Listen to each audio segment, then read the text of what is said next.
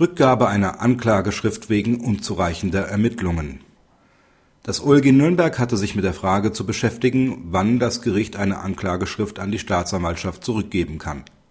Der zugrunde liegende Fall betraf ein umfangreiches Verfahren wegen schweren Bandendiebstahls.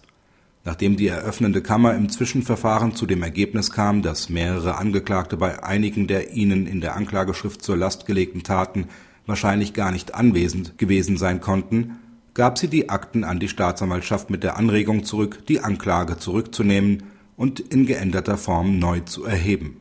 Nach Ansicht des OLG Nürnberg war die Rückgabe der Anklageschrift nicht durch die StPO gedeckt. Eine Rückgabe der Anklageschrift komme grundsätzlich nur in Betracht, wenn sie nicht den Vorgaben des § 200 Absatz 1 StPO entspricht. Darüber hinaus ist eine Rückgabe nur zulässig, wenn die zugrunde liegenden Ermittlungen so unzureichend sind dass über die Eröffnung des Hauptverfahrens auch nach Anordnung von weiteren Beweiserhebungen nach § 202 StPO nicht sachgerecht entschieden werden kann. Dagegen sieht die StPO nicht die Möglichkeit vor, der Staatsanwaltschaft durch Rückgabe der Anklageschrift die Möglichkeit zu geben, nicht mehr aufrechtzuerhaltende Tatvorwürfe auszuscheiden. Die Kammer hätte hier deshalb das Verfahren nur im Hinblick auf die Fälle eröffnen dürfen, bei denen ein hinreichender Tatverdacht besteht und die Eröffnung im Übrigen ablehnen müssen.